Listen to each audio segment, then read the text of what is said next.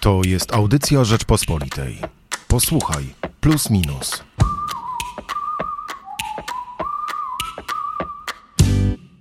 W najnowszym magazynie Plus Minus przyjrzeliśmy się Polsce tonącej w alkoholu.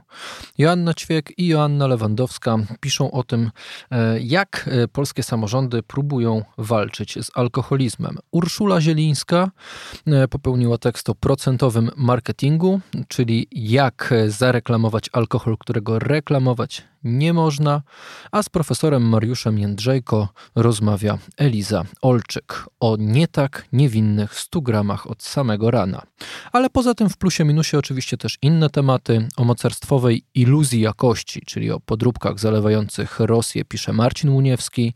Mm, polecę Państwu też z naprawdę znakomitą rozmowę Joanny Bojańczyk z profesorem Rochem Sulimą, wybitnym antropologiem, o buncie przeciw miastu. A Łukasz Adamski opisuje w najnowszym magazynie Plus Minus teorię spiskową wielkiego zastąpienia. Teorię, która e, była wyznawana na przykład e, przez jednego z mm, morderców, który dokonał e, masowej strzelaniny niedawno w Stanach Zjednoczonych, dokładnie w Buffalo w stanie Nowy Jork. Ale dzisiaj w podcaście porozmawiamy sobie o alkoholu. O alkoholu jako problemie politycznym. Plus, minus.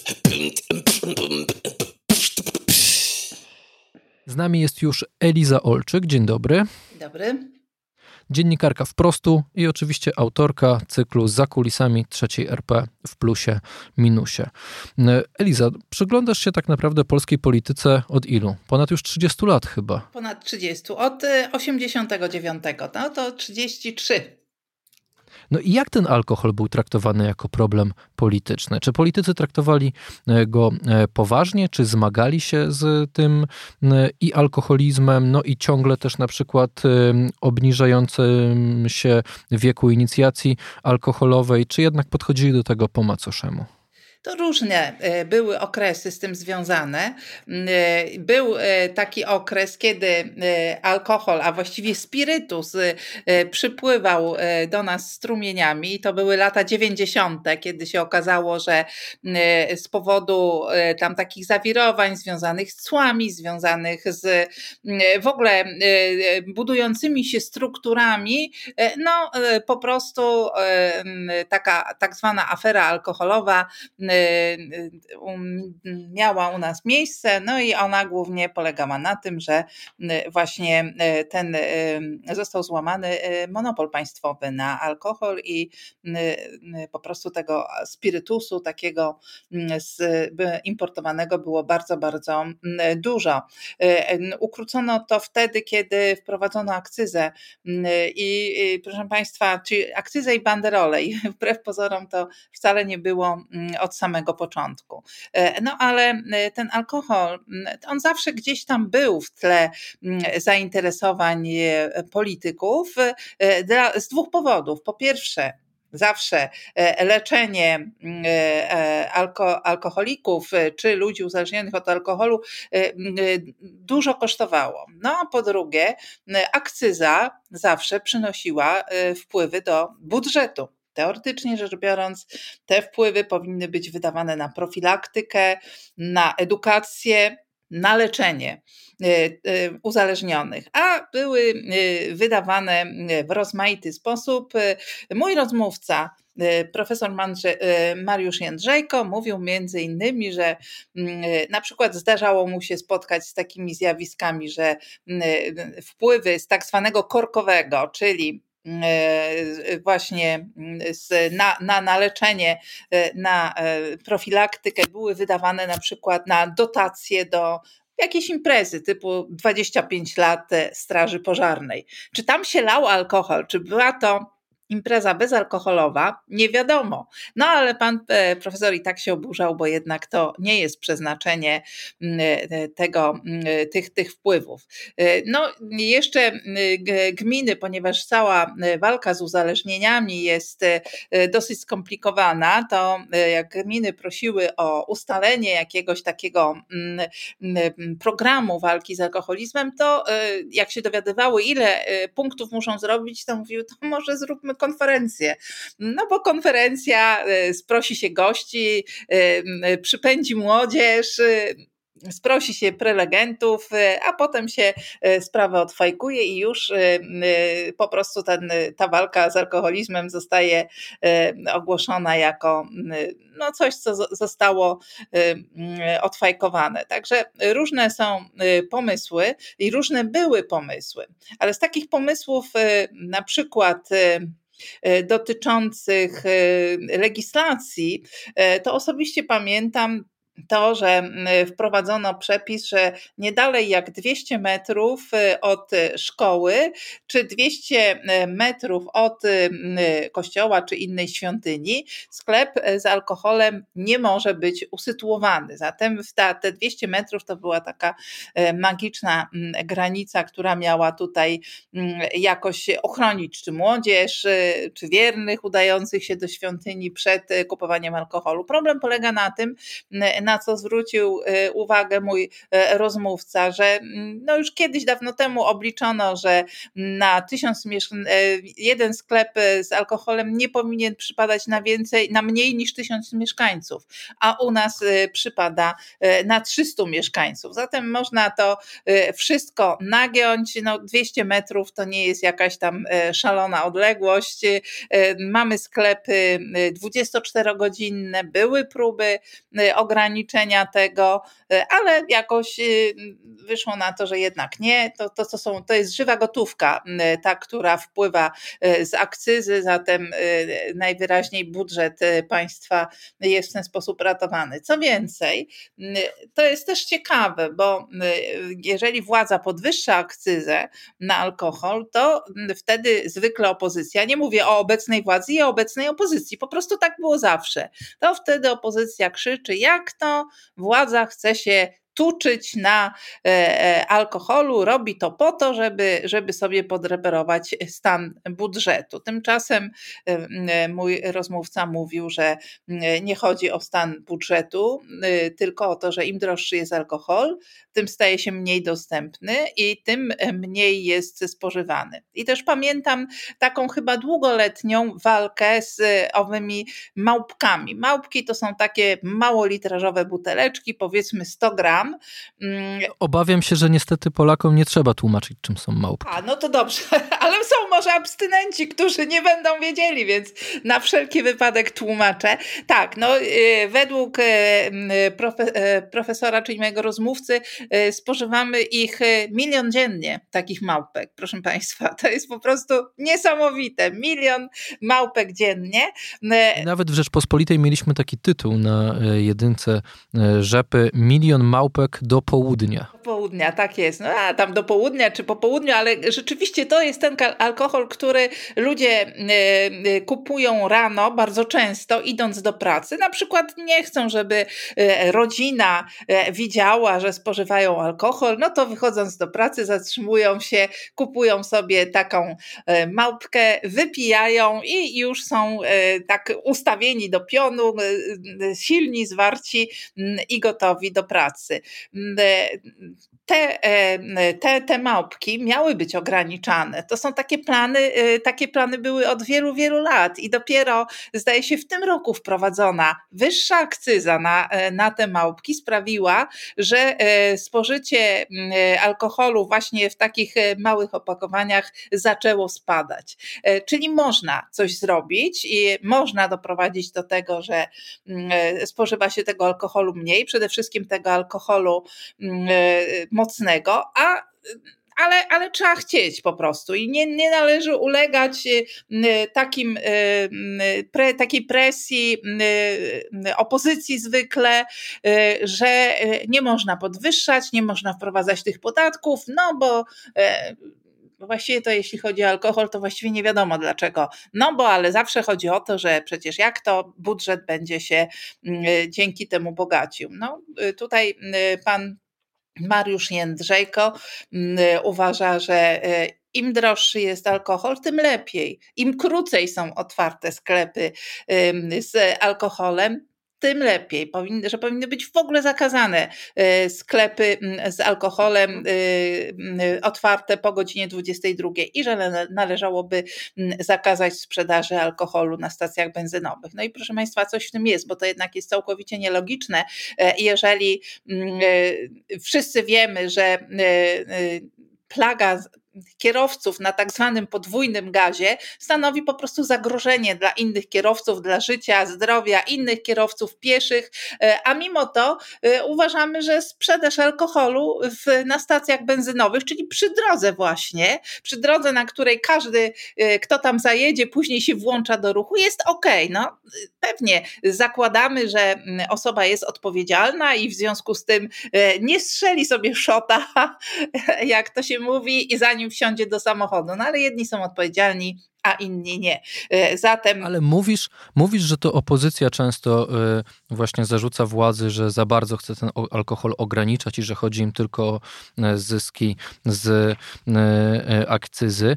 Tymczasem w obecnym Sejmie Prawo i Sprawiedliwość rządzące ma opozycję, która właśnie chce alkoholu jeszcze mocniej zakazywać. To przecież Lewica wystąpiła z pomysłem zakazania alkoholu, sprzedaży alkoholu na stacjach benzynowych. To lewicowe posłanki posłanki e, za, zaczęły e, wielką, jak to się dzisiaj mówi, inbę w mediach społecznościowych, czyli e, dużą dyskusję na temat tego, by zakazać w ogóle promocji na alkohol w sklepach, żeby nie można było na przykład kupować 12 piw w cenie 6, żeby coś zrobić wreszcie z reklamami alkoholu w internecie. No widzimy, jak Janusz Palikot w tej chwili reklamuje swoje, swoje piwo, swoje whisky w, na stronach internetowych, w mediach społecznościowych, wykorzystując E, influencerów, to lewica dzisiaj nakręca właśnie taką debatę, by coś z tym zrobić. No tak, to ja tutaj się zgadzam. Uważam, osobiście e, uważam, że lewica zawsze e, starała się e, ograniczyć e, sprzedaż alkoholu ze względu na skutki społeczne. No, lewica jednak e, zwraca uwagę na te skutki. No ale na przykład mój rozmówca twierdzi, że za żadnej władzy, ani za rządów SLD, ani za rządów Platformy, ani zarządów PiSu e, nie było e, specjalnych działań skutecznych, które by ograniczały sprzedaż alkoholu. No, tutaj powołuję się na eksperta, ale rzeczywiście mam takie wrażenie, że chęć e, ograniczenia spożycia alkoholu jest, jest dużo większa po stronie posłanek lewicowych. No i jeżeli weźmiemy takie kraje posłanek i posłów, jeżeli weźmiemy takie kraje skandynawskie, które, o których uważamy właśnie, że one są rządzone przez, taką, przez takie partie progresywne, to tam, jeśli chodzi o dostęp do alkoholu, są spore restrykcje. Na przykład y, w Norwegii po 22 się nie kupi alkoholu nigdzie, ani na stacji benzynowej, ani e, w żadnym sklepie. I już, ale pamiętam takie przymiarki, jakie u nas były, i to jest tak: krok do przodu, krok do tyłu. Zakażmy sprzedaży w sklepach po 22, ale no, nie zakazujmy w restauracji, tak? No bo przynajmniej restauratorzy będą mieli zysk z tych gości, którzy nie kupią sobie e, e, w sklepie. No, nie wydaje mi się, żeby jeśli chodzi o walkę z alkoholizmem, żeby to było, żeby to był najlepszy sposób. Ale mnie osobiście pamiętam, jak bardzo mnie uderzyło to, że była taka bardzo modna wśród młodzieży uniwersyteckiej knajpa, prawie że naprzeciwko uniwersytetu, która w witrynie nie miała napisane mm, e, herbata 4 zł, e, shot, czyli kieliszek wódki 4 zł. I tak sobie pomyślałam, no jak student ma do wyboru kupić sobie szota albo herbatę w tej samej cenie, to on chyba jednak zawsze postawi na szota. Ale wiesz co, pamiętam, że jeden z portali internetowych y, w momencie, kiedy pojawiły się te głosy ze strony lewicowej, by y, ograniczyć sprzedaż alkoholu na stacjach benzynowych, to było tuż przed majówką, bo majówka to jest oczywiście wdzięczny temat co roku, by porozmawiać o tym, jak Polacy piją. Y, I jeden z portali dał clickbaitowy, czyli taki zachęcający do przeczytania tytuł w jednym swoim artykule Partia razem znalazła niespodziewanego sojusznika, sprawdź kto to. E, I tym sojusznikiem okazał się Kościół katolicki, który przecież też e, od lat e, stara się coś z problemem alkoholizmu w Polsce robić. Czy ten Kościół nie miał jakoś w latach 90., kiedy miał duży, duży wpływ oczywiście na cały, na cały obóz Solidarności, czy on nie próbował jakoś przymuszać tych prawicowych polityków, by też się zajęli tym tematem? Nie, to znaczy przymuszać nie, ale Kościół zawsze prowadził taką akcję edukacyjną i na przykład prowadził rekolekcje związane z trzeźwością, pielgrzymki związane z trzeźwością i zachęcał generalnie do, do wstrzemięźliwości, jeżeli chodzi o spożywanie alkoholu. To jest prawda.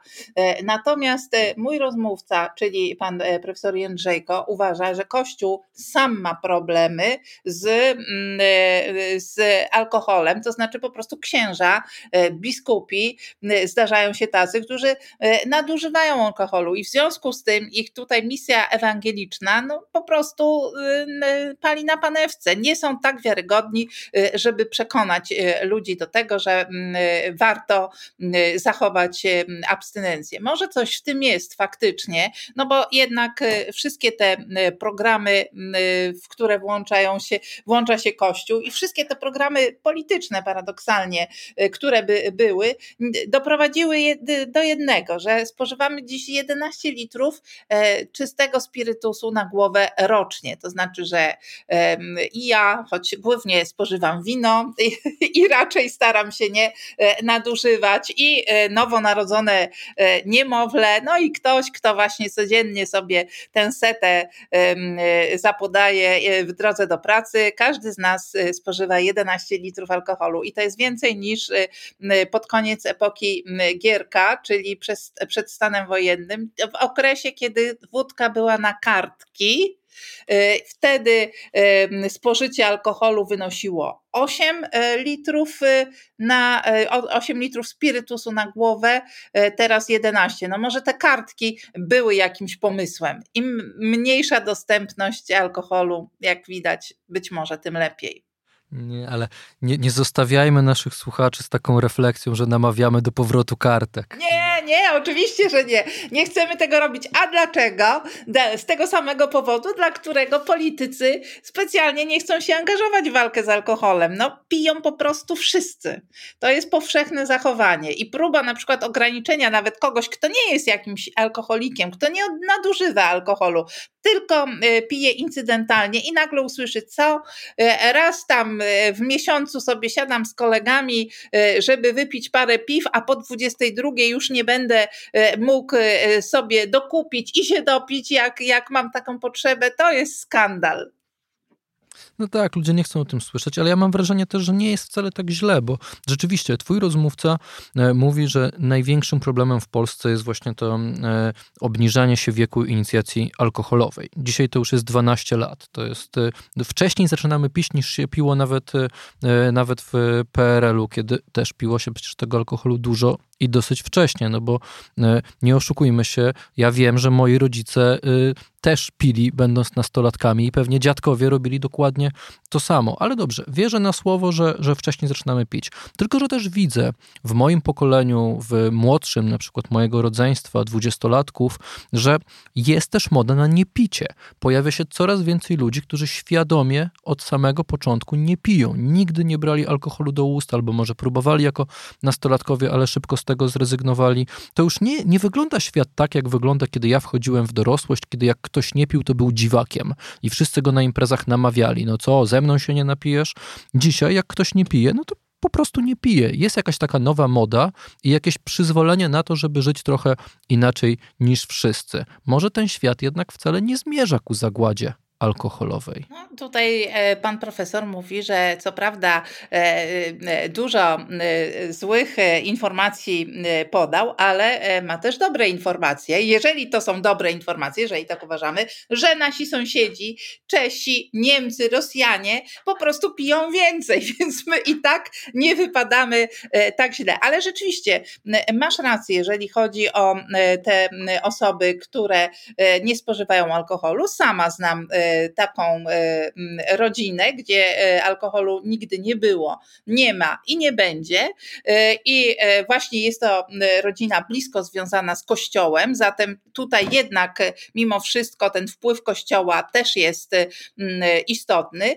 I to po pierwsze, to jest jakby moja pierwsza uwaga, a druga to jest taka, że rzeczywiście skończyło się to takie namawianie do picia. To jeżeli dziś, jeżeli ktoś powie, że nie pije, to nikt mu nie mówi, no co chory jesteś, bo kiedyś to się tak mówiło, to tylko chorzy nie piją.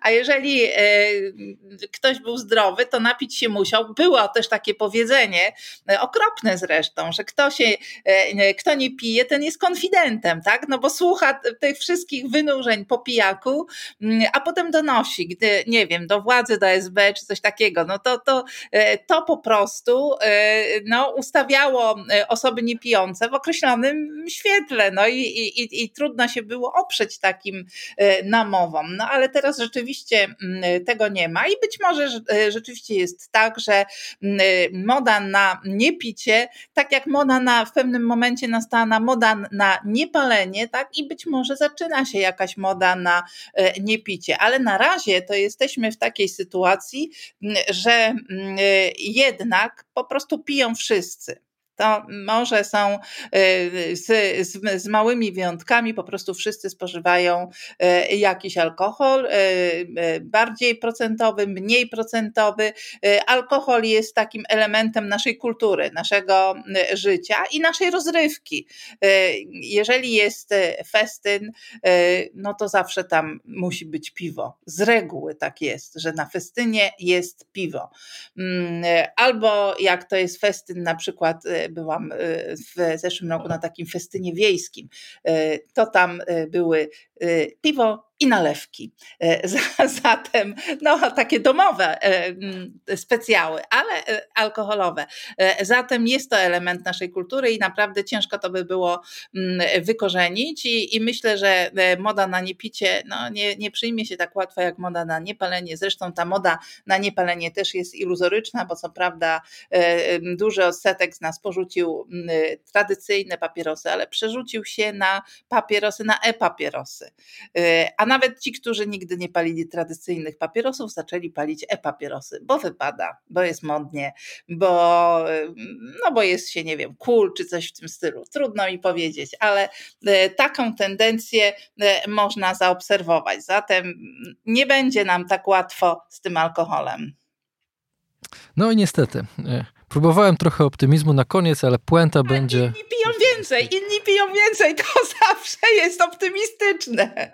Nie wiem, czy ja bym chciał się dzisiaj do Rosji porównywać. Ale do Czech, do Niemiec, proszę bardzo. Ach, do Niemiec to zawsze. No właśnie. Liza Olczyk, dziennikarka wprostu i autorka cyklu Za kulisami trzeciej RP w magazynie Plus Minus, była naszym gościem. Dzięki wielkie. Dziękuję bardzo. Ja oczywiście przypomnę, że magazyn Plus Minus dostępny będzie już w kioskach w sobotę oraz oczywiście na naszej stronie internetowej www.rp.pl i tam Państwa bardzo serdecznie zapraszam. Michał Płociński. Słuchaj więcej na stronie podcasty.rp.pl. Szukaj Rzeczpospolita Audycje w serwisach streamingowych.